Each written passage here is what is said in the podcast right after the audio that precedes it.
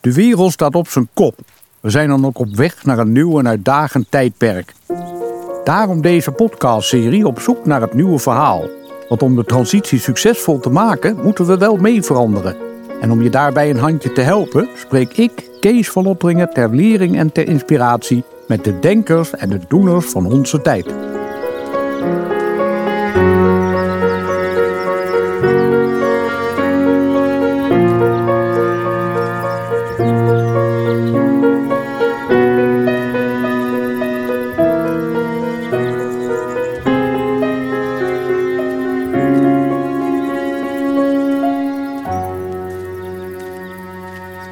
Welkom in onze zoektocht naar het nieuwe verhaal. Dit wordt een wat ongewone aflevering. Ik heb namelijk geen gast met wie ik het gesprek aanga. Want in deze aflevering ben ik zelf de hoofdrolspeler. Aanleiding is dat ik de balans wil opmaken van de laatste twaalf gesprekken die ik heb gevoerd met denkers en doeners. Mijn naam is Kees Verlottering. Ik ben de initiatiefnemer van deze podcastserie, getiteld Op zoek naar het nieuwe verhaal. De oorsprong van dit initiatief gaat terug tot de zomer van 2022, toen ik met het maken van deze podcast ben begonnen. In die tijd leidde ik nog een platform voor beleggingsprofessionals. Dat was interessant en uitdagend, want het zijn mensen die op een hoog abstractieniveau over de wereld denken en praten. Maar gaandeweg kreeg ik meer behoefte aan contacten en gesprekken met gewone mensen. Ook wilde ik beter begrijpen wat het beleid van de overheid, het bedrijfsleven en de financiële markten voor diezelfde burgers betekent. In 2008 ging de wereld door een crisis die vanuit de financiële markten naar economie en de samenleving toekwam. Ik zelf heb altijd het gevoel gehad dat die crisis niet meer was dan de eerste etappe in een veel groter verhaal. Zo denk ik dat we naast een klimaatcrisis te maken hebben met een sociale en een spirituele crisis. Samengevat is het een systeemcrisis. Het is een crisis die samenkomt in het woord Gaia, Gaia staat voor de oermoeder, dat is de aarde die volgens de Griekse mythologie is voortgekomen uit de chaos, oftewel de oerknal van de vier elementen aarde, water, lucht en vuur. Om de crisis rond Gaia, de godin van de natuur en de aarde, te begrijpen, ging ik in mijn zoektocht naar het nieuwe verhaal onder meer in gesprek met, what's in a name, Gaia Harrington. Zij is een Nederlandse die tegenwoordig in de Verenigde Staten woont en werkt. Gaia houdt zich bezig met de verduurzaming van de wereld, de economie en de maatschappij. Zij deed een onderzoek naar het rapport van de Club van Rome van 1972. En dat was een geruchtmakend rapport getiteld Grens aan de groei. Daarin werd door wetenschappers gewaarschuwd dat als we op de huidige voet van consumeren door zouden gaan, dat we op enig moment in de 21ste eeuw met grote existentiële problemen worden geconfronteerd. Gaia maakte op basis van beschikbare data een rekenmodel waarmee ze de voorspellingen van de Club van Rome kon toetsen. Uitkomst was dat die voorspellingen juist zijn. Dat betekent dat we bij ongewijzigd beleid de afspraken die gemaakt zijn bij het Klimaatakkoord van Parijs ruimschoots gaan overschrijden.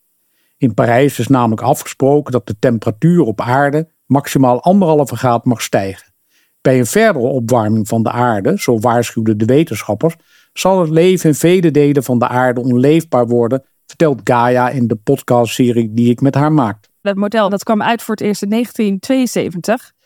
Uh, dat, betekent dat we ondertussen een aantal tientallen jaren aan empirische data hebben. Dus toen dacht ik, nou laten we eens kijken hoe dat, uh, hoe, hoe dat uitpakt.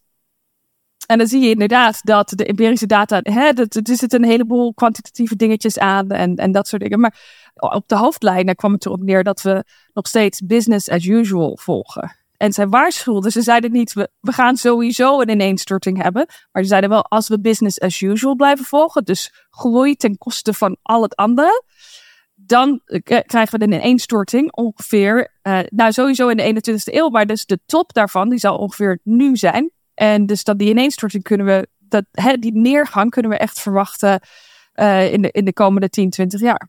Gaia pleit er dan ook voor dat we het groeimperatief loslaten ten gunste van een menselijk en ecologisch welzijn. Gaia wordt in haar opvatting gesteund door Dirk Loorbach. Hij is hoogleraar transitiekunde aan de Erasmus Universiteit. Loorbach stelt dat het bestaande model van marktkapitalisme zijn langste tijd heeft gehad en dat een transitie naar een nieuw model aanstaande is. Volgens hem voltrekt zo'n maatschappelijke transitie zich langs drie wegen. Er gebeuren eigenlijk in transitie eh, drie dingen de omgeving verandert. Dus de samenleving gaat langzaam andere dingen vragen. Er is klimaatverandering, digitalisering, geopolitieke verschuivingen. En, en daar, van daaruit ontstaat druk op partijen in dat regime om uh, zich aan te passen. Dat doen ze vervolgens door nog verder te verbeteren. Nou, dan krijg je emissieschandalen of dan krijg je landbouwakkoorden die, die, die niet gesloten worden. Of dan krijg je dus, eh, eh, maar dan ontstaat er eigenlijk steeds meer spanning binnen die regimeomgeving. Er gaan steeds meer mensen aan twijfelen. Er ontstaan interne conflicten. Dingen werken niet meer. Je kan op een gegeven moment niet, niet nog, nog meer uh, efficiëntie bereiken. En dat geeft eigenlijk, en dat is dan het derde wat er gebeurt, dat krijgt, creëert eigenlijk ook een soort rugwind voor die alternatieven. Gaan mensen denken, nou, dat wat minder vlees eten is zo gek nog niet. Of ondernemers denken, hé, hey, er ontstaat een markt. Ik ga met vleesvervangers aan de gang. Ja, en eigenlijk zijn die drie krachten, dus de druk van buiten, het vastlopen van uh, die mechanismen in dat regime en uh, opkomende alternatieven, die, die zorgen ervoor dat die regimes uit evenwicht raken en eigenlijk in een proces van ja, systeemverandering terechtkomen, wat heel oncontroleerbaar kan zijn.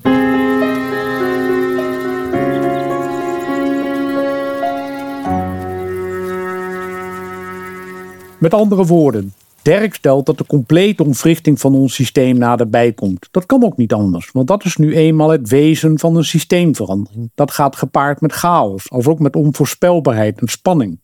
Maar het voordeel daarvan is dat de verandering uiteindelijk na een periode van veel gedoe ook heel snel gaat.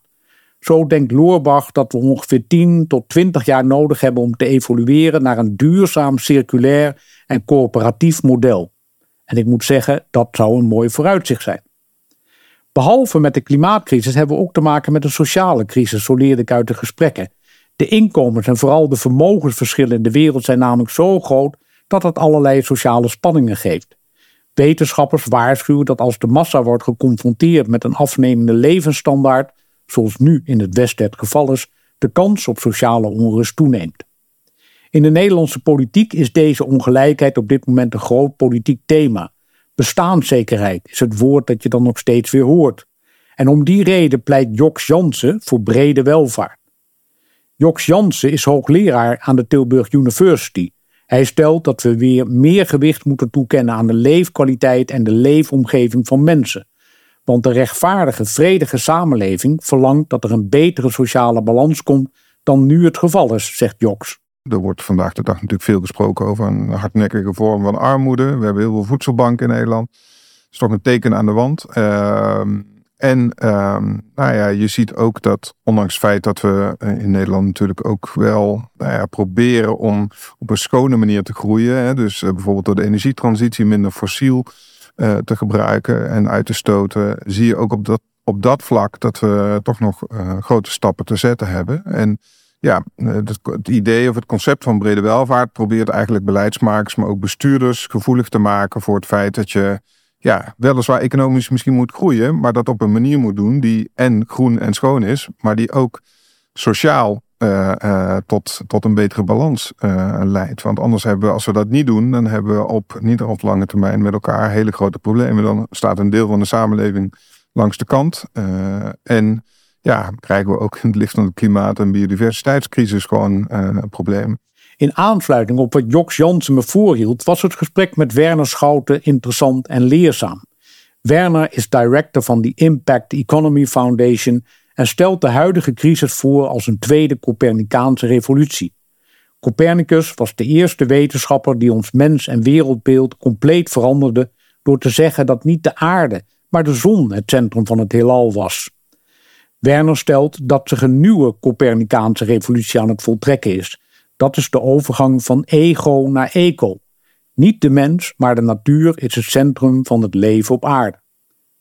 In dat kader bepleit Werner dat wij ons ook nu de vraag moeten stellen wat wij waardevol vinden en wat waardeloos is. En dat we daar ons beleid ook op moeten afstemmen. Is een economie er niet voor om, juist de kwaliteit van leven te ondersteunen? Is een economie er niet voor om welzijn uh, op te leveren van mensen? En als dat het doel is, waarom zouden we daar dan niet direct op gaan sturen?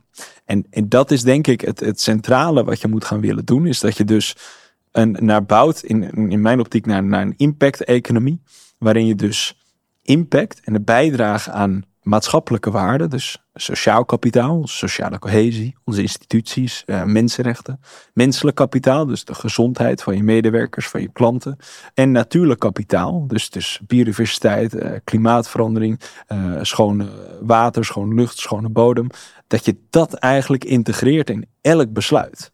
dus dan, dan herdefinieer je wat wij waardevol en waardeloos vinden, dat je daar dan op gaat sturen.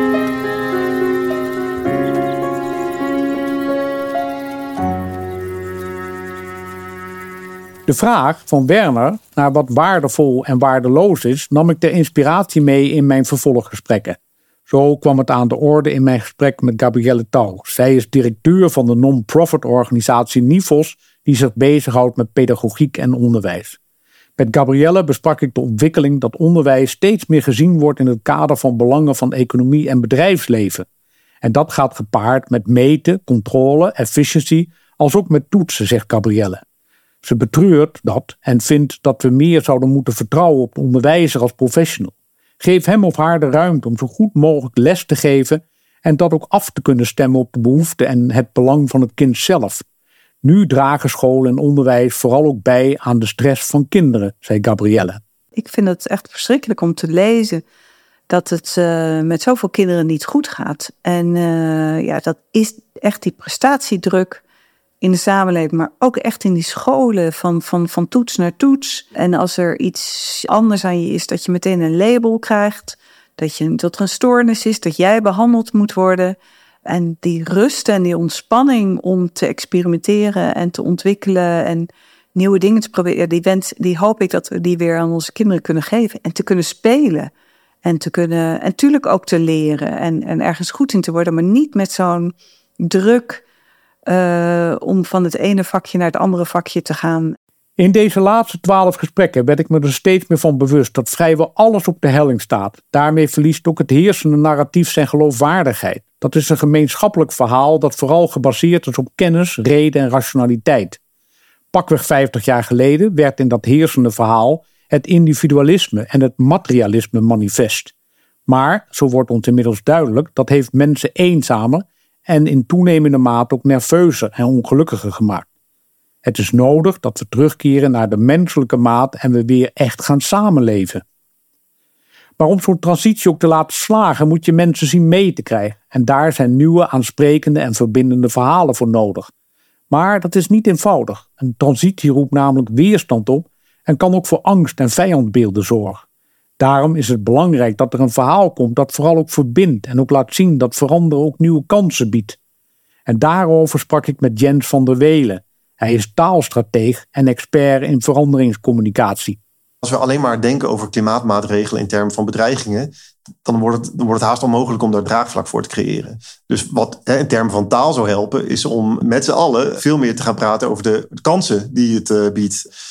Als je met de trein gaat reizen, is dat veel avontuurlijker. Als je minder rood vlees eet, dan is dat uh, hartstikke goed voor je gezondheid en leef je langer. Ja. Als je meer spullen, uh, als je minder spullen geeft en meer ervaringen cadeau geeft voor verjaardagen, dan, dan worden mensen gelukkiger. Dat, dat, is een doorbreking van gewoonte, maar het wel eentje die, die, die, die kansen biedt en die aantrekkelijk uh, klinkt in ja. plaats van iets wat als een bedreiging voelt. We moeten praten over de, over de oplossingen in winsttaal. Dus wat levert het je op? En we moeten praten over de problemen. Dus wat gebeurt er als we niks doen in termen van verliestaal?